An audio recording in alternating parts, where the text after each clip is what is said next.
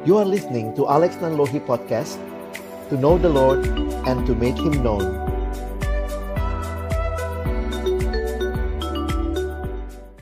Mari berdoa sebelum kita membaca merenungkan firman Tuhan. Bapa di dalam surga kami datang dalam ucapan syukur Terima kasih untuk kesempatan yang Tuhan berikan. Kami boleh datang, boleh bersekutu memuji, memuliakan namamu. Dan tiba waktunya bagi kami untuk membuka firman-Mu ya Tuhan. Kami mohon ketika kami membuka firman-Mu, bukalah juga hati kami. Jadikanlah hati kami seperti tanah yang baik, supaya ketika benih firman-Mu ditaburkan itu boleh sungguh-sungguh berakar, bertumbuh, dan juga berbuah nyata di dalam hidup kami. Berkati hambamu yang menyampaikan dan semua kami yang mendengar.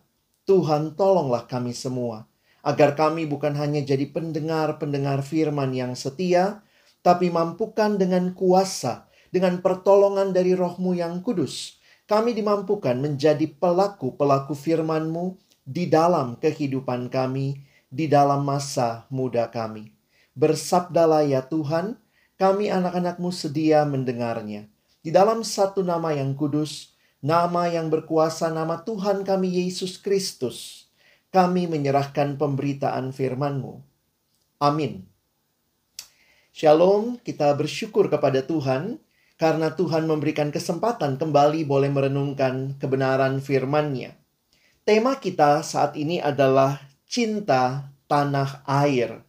Di dalam kehidupan, katanya ada banyak hal yang bisa kita ubah, tetapi juga ternyata ada hal-hal yang tidak bisa kita ubah atau kita pilih itu merupakan sesuatu yang Tuhan berikan kepada kita. Sehingga di dalamnya kita perlu memahami apa yang menjadi rencana Tuhan. Apa saja hal yang sebenarnya Tuhan berikan tanpa kita bisa memilih. Misalnya, jenis kelamin ketika kita lahir. Tidak ada yang pernah memilih lebih dahulu. Lalu kemudian berbicara tentang siapa orang tua kita. Dari latar belakang apa mereka, itu pun kita tidak bisa memilih. Kita tidak bisa memilih golongan darah kita. Kita tidak bisa memilih urutan lahir, siapa yang jadi kakak, siapa yang jadi adik, tidak bisa kita pilih. Dan salah satunya juga adalah kita lahir di suku apa, kita lahir di bangsa mana. Itu juga kita tidak bisa memilih. Karena itu, di dalam kita menyikapi kehadiran kita sebagai bagian dari sebuah bangsa, maka mari kita belajar melihat apa sih yang menjadi rencana Tuhan bagi kita di tengah-tengah kehidupan yang Dia karuniakan kepada kita. Nah, di sinilah kita jadi melihat bahwa ada rencana yang indah bagi kita semua yang Tuhan hadirkan secara khusus di bangsa Indonesia yang kita cintai. Itulah tema kita hari ini. Kita mau melihat cinta tanah air Nah, saya ingin mengajak kita merefleksikan dari apa yang kita bisa pelajari di dalam kitab Nehemia. Nah, hari ini kita akan membaca Nehemia pasal yang pertama, ayat yang pertama sampai dengan ayat yang ke-11. Tetapi kita akan membaca empat ayatnya terlebih dahulu. Riwayat Nehemia bin Hakalia pada bulan Kislu tahun ke-20 ketika aku ada di Puri Susan. Datanglah Hanani, salah seorang dari saudara-saudaraku dengan beberapa orang dari Yehuda. Aku menanyakan mereka tentang orang-orang Yahudi yang terluput, yang terhindar dari penawanan, dan tentang Yerusalem. Kata mereka kepadaku, orang-orang yang masih tinggal di daerah sana, yang terhindar dari penawanan ada dalam kesukaran besar dan dalam keadaan tercela. Tembok Yerusalem telah terbongkar dan pintu-pintu gerbangnya telah terbakar. Ketika ku dengar berita ini, duduklah aku menangis dan berkabung selama beberapa hari. Aku berpuasa dan berdoa ke hadirat Allah semesta langit. Bapak, Ibu, Saudara, dan adik-adik yang saya kasihi dalam Tuhan Yesus Kristus. Bagian awal dari kitab Nehemia ini memperkenalkan kita kepada Nehemia dan kondisi bangsa Israel pada masa itu. Jika kita melihat di dalam bagian ini, dimulai dengan riwayat Nehemia bin Hakalia. Nama Nehemia sendiri memiliki arti The Lord comforts. Tuhan menguatkan. Dan tentunya ini menjadi harapan juga dari orang tua yang memberi nama, supaya di dalam kehidupannya benar-benar nyata bahwa Tuhan adalah Tuhan yang menguatkan. Di dalam bagian ini juga dikatakan ketika aku ada di Puri Susan. Susan adalah kota besar di tanah Babel dan Nehemia ada di situ sebagai keturunan orang Israel yang dibuang ke tanah Babel sekitar tahun 586 sebelum Masehi.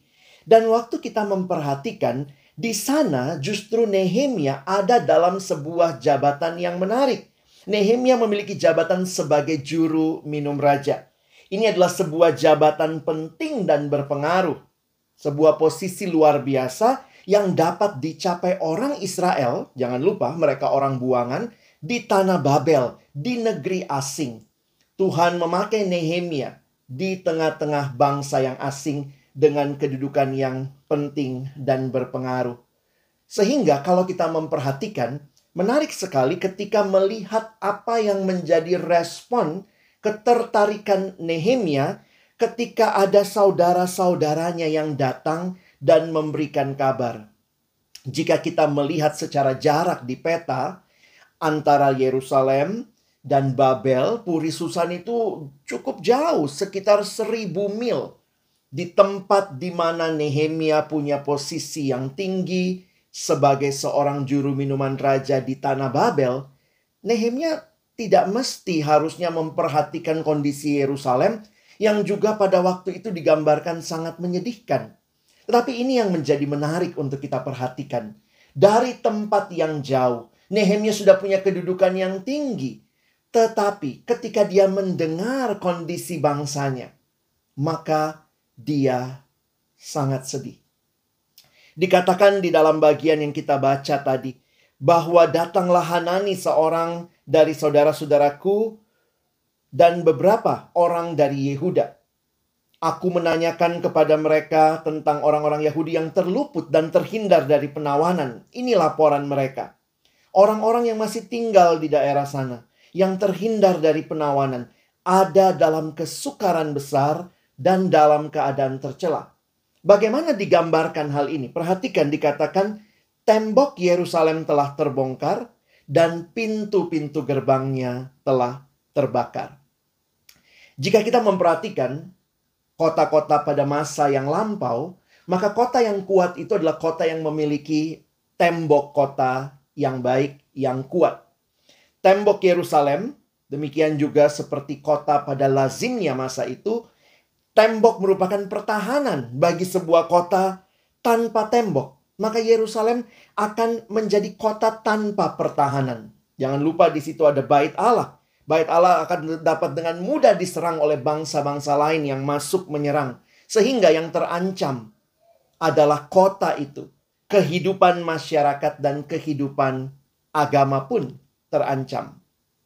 Saudara yang dikasihi Tuhan, jika kita melihat peta tembok Yerusalem yang cukup besar, kita melihat bagaimana sebenarnya ini menjadi bagian yang menarik ketika dari tanah asing, dari Puri Susan, Nehemia yang ada dengan posisi yang tinggi, yang sebenarnya dia sudah nyaman di situ.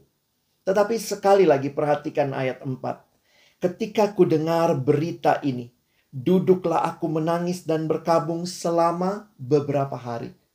Aku berpuasa dan berdoa ke hadirat Allah semesta langit. Prinsip pertama yang saya ingin kita renungkan waktu bicara tentang topik ini, cinta tanah air, yaitu Nehemia melibatkan diri dalam pergumulan bangsanya. Sekali lagi, meskipun dia ada di tanah asing jauh dari tanah kelahiran nenek moyangnya.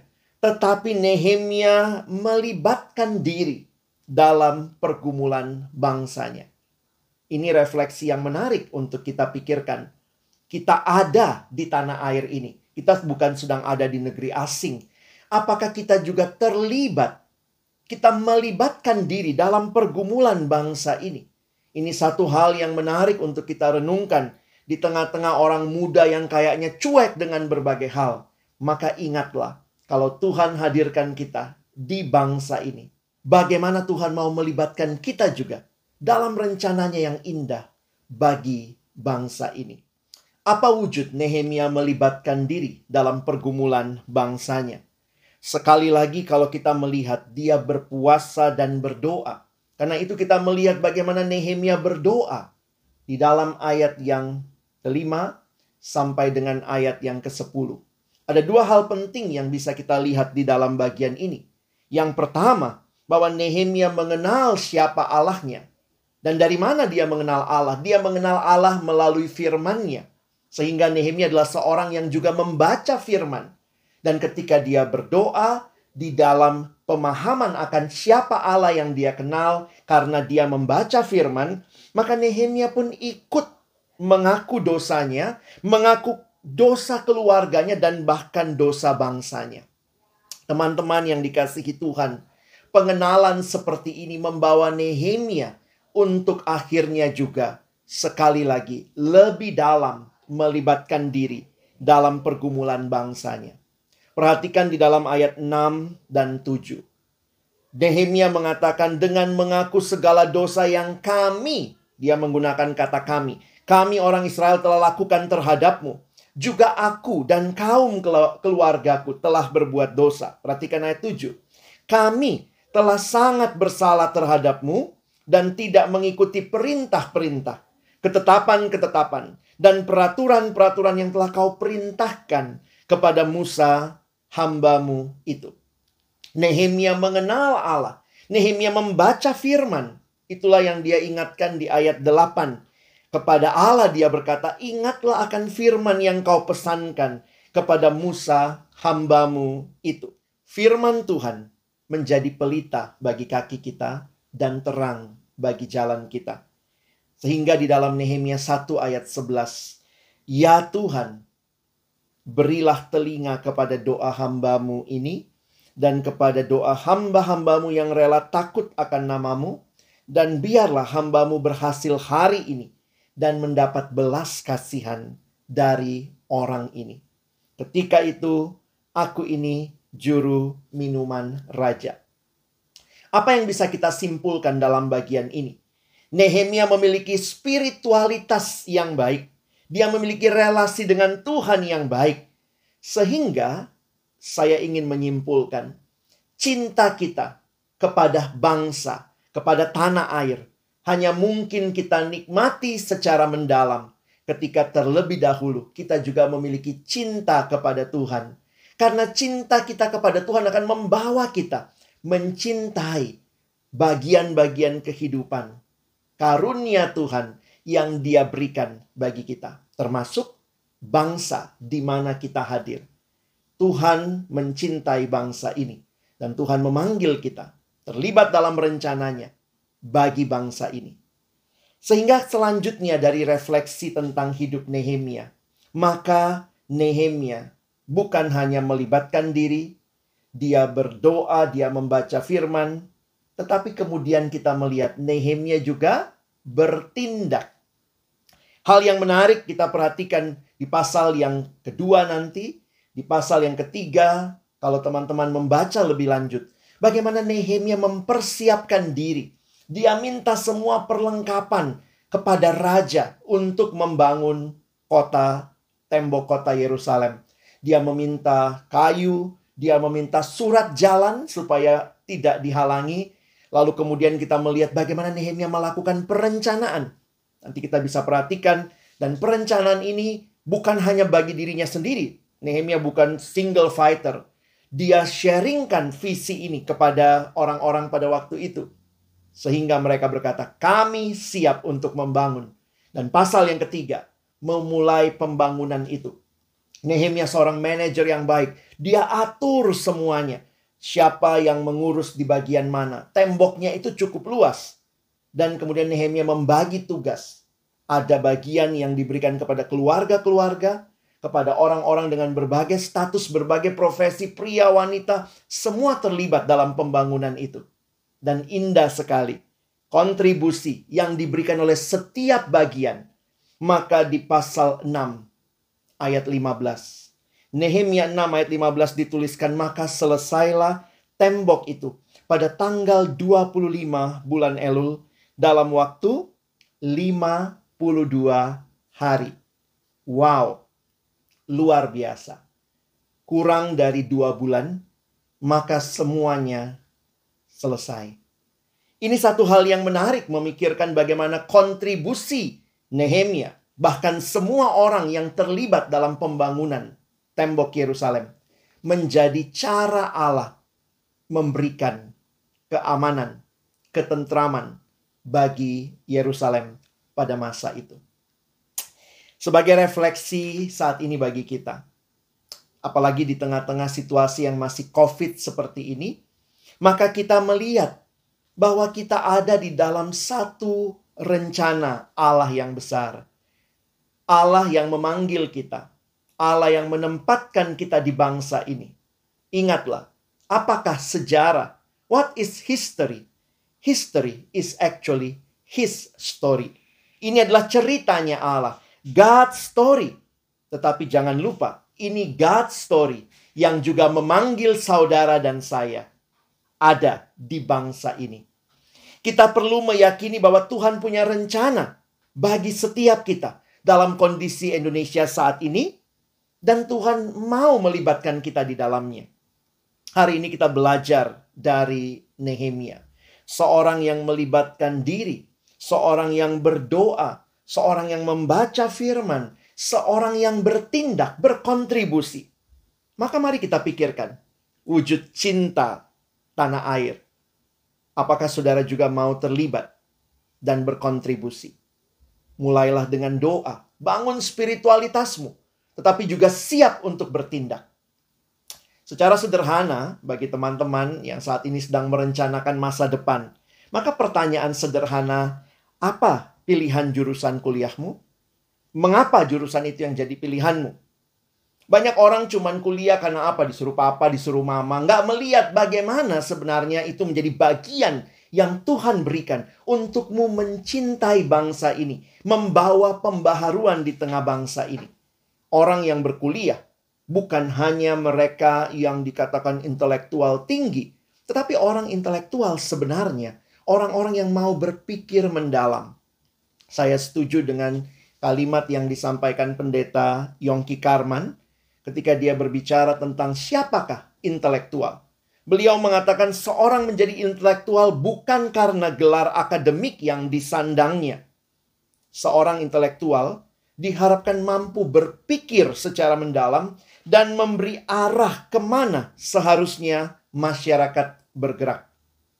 Teman-teman, banyak orang mungkin melanjutkan pendidikan tinggi secara akademik, tapi tidak intelektual. Karena dia tidak berpikir mendalam dan bahkan memberi arah bagi perjalanan masyarakat. Tetapi orang seperti Ibu Kartini, yang sangat sederhana, tetapi dia berpikir mendalam, memberi arah, sehingga tulisannya, korespondensinya menunjukkan betapa dia memikirkan nasib perempuan di bangsanya. Teman-teman yang dikasih Tuhan, Ibu Kartini bukan seorang lulusan universitas. Dia bahkan tidak mengecap pendidikan tinggi. Tetapi dia berpikir mendalam. Dia berpikir mencintai bangsanya. Dalam kontribusinya memikirkan tentang kaum perempuan. Teman-teman sebentar lagi akan masuk dalam jenjang yang lebih jauh. Apakah engkau memikirkan juga bagian hidupmu? pilihan-pilihanmu adalah dalam bagian yang Tuhan mau pakai untuk membangun bangsa ini. Kalau saudara mungkin merindukan, saya ingin jurusan ekonomi, mari buka matamu, lihat. Sama seperti Nehemia mendengar tembok Yerusalem hancur. Lihat tembok-tembok ekonomi di bangsa ini. Apa yang hancur? dan kemudian berdoalah, Tuhan kalau engkau memberikan aku kemampuan dalam bidang ekonomi, maka aku ingin memilih jurusan ekonomi yang pada akhirnya bukan hanya supaya saya dapat pekerjaan, tapi saya bisa berkontribusi membangun bangsa ini. Buka mata kita, melihat tembok-tembok yang hancur di bangsa ini, dan berdoalah, saudara dan saya dipakai Tuhan untuk membangunnya yang melihat tembok-tembok sosial yang runtuh, maka saudara berdoa agar pilihanmu di bidang-bidang sosial itu demi membangun bangsa ini. Yang memilih bidang teknik, pilihlah dalam pengertian Tuhan. Ada begitu banyak bagian yang perlu dibangun di bangsa ini. Aku mau terlibat.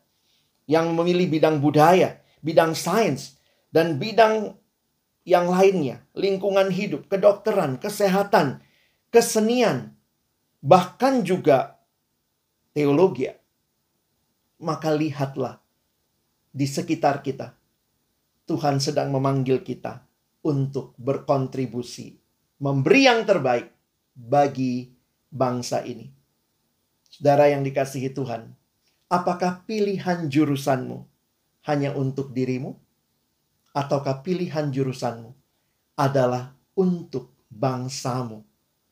Pilihanku bagi Indonesia.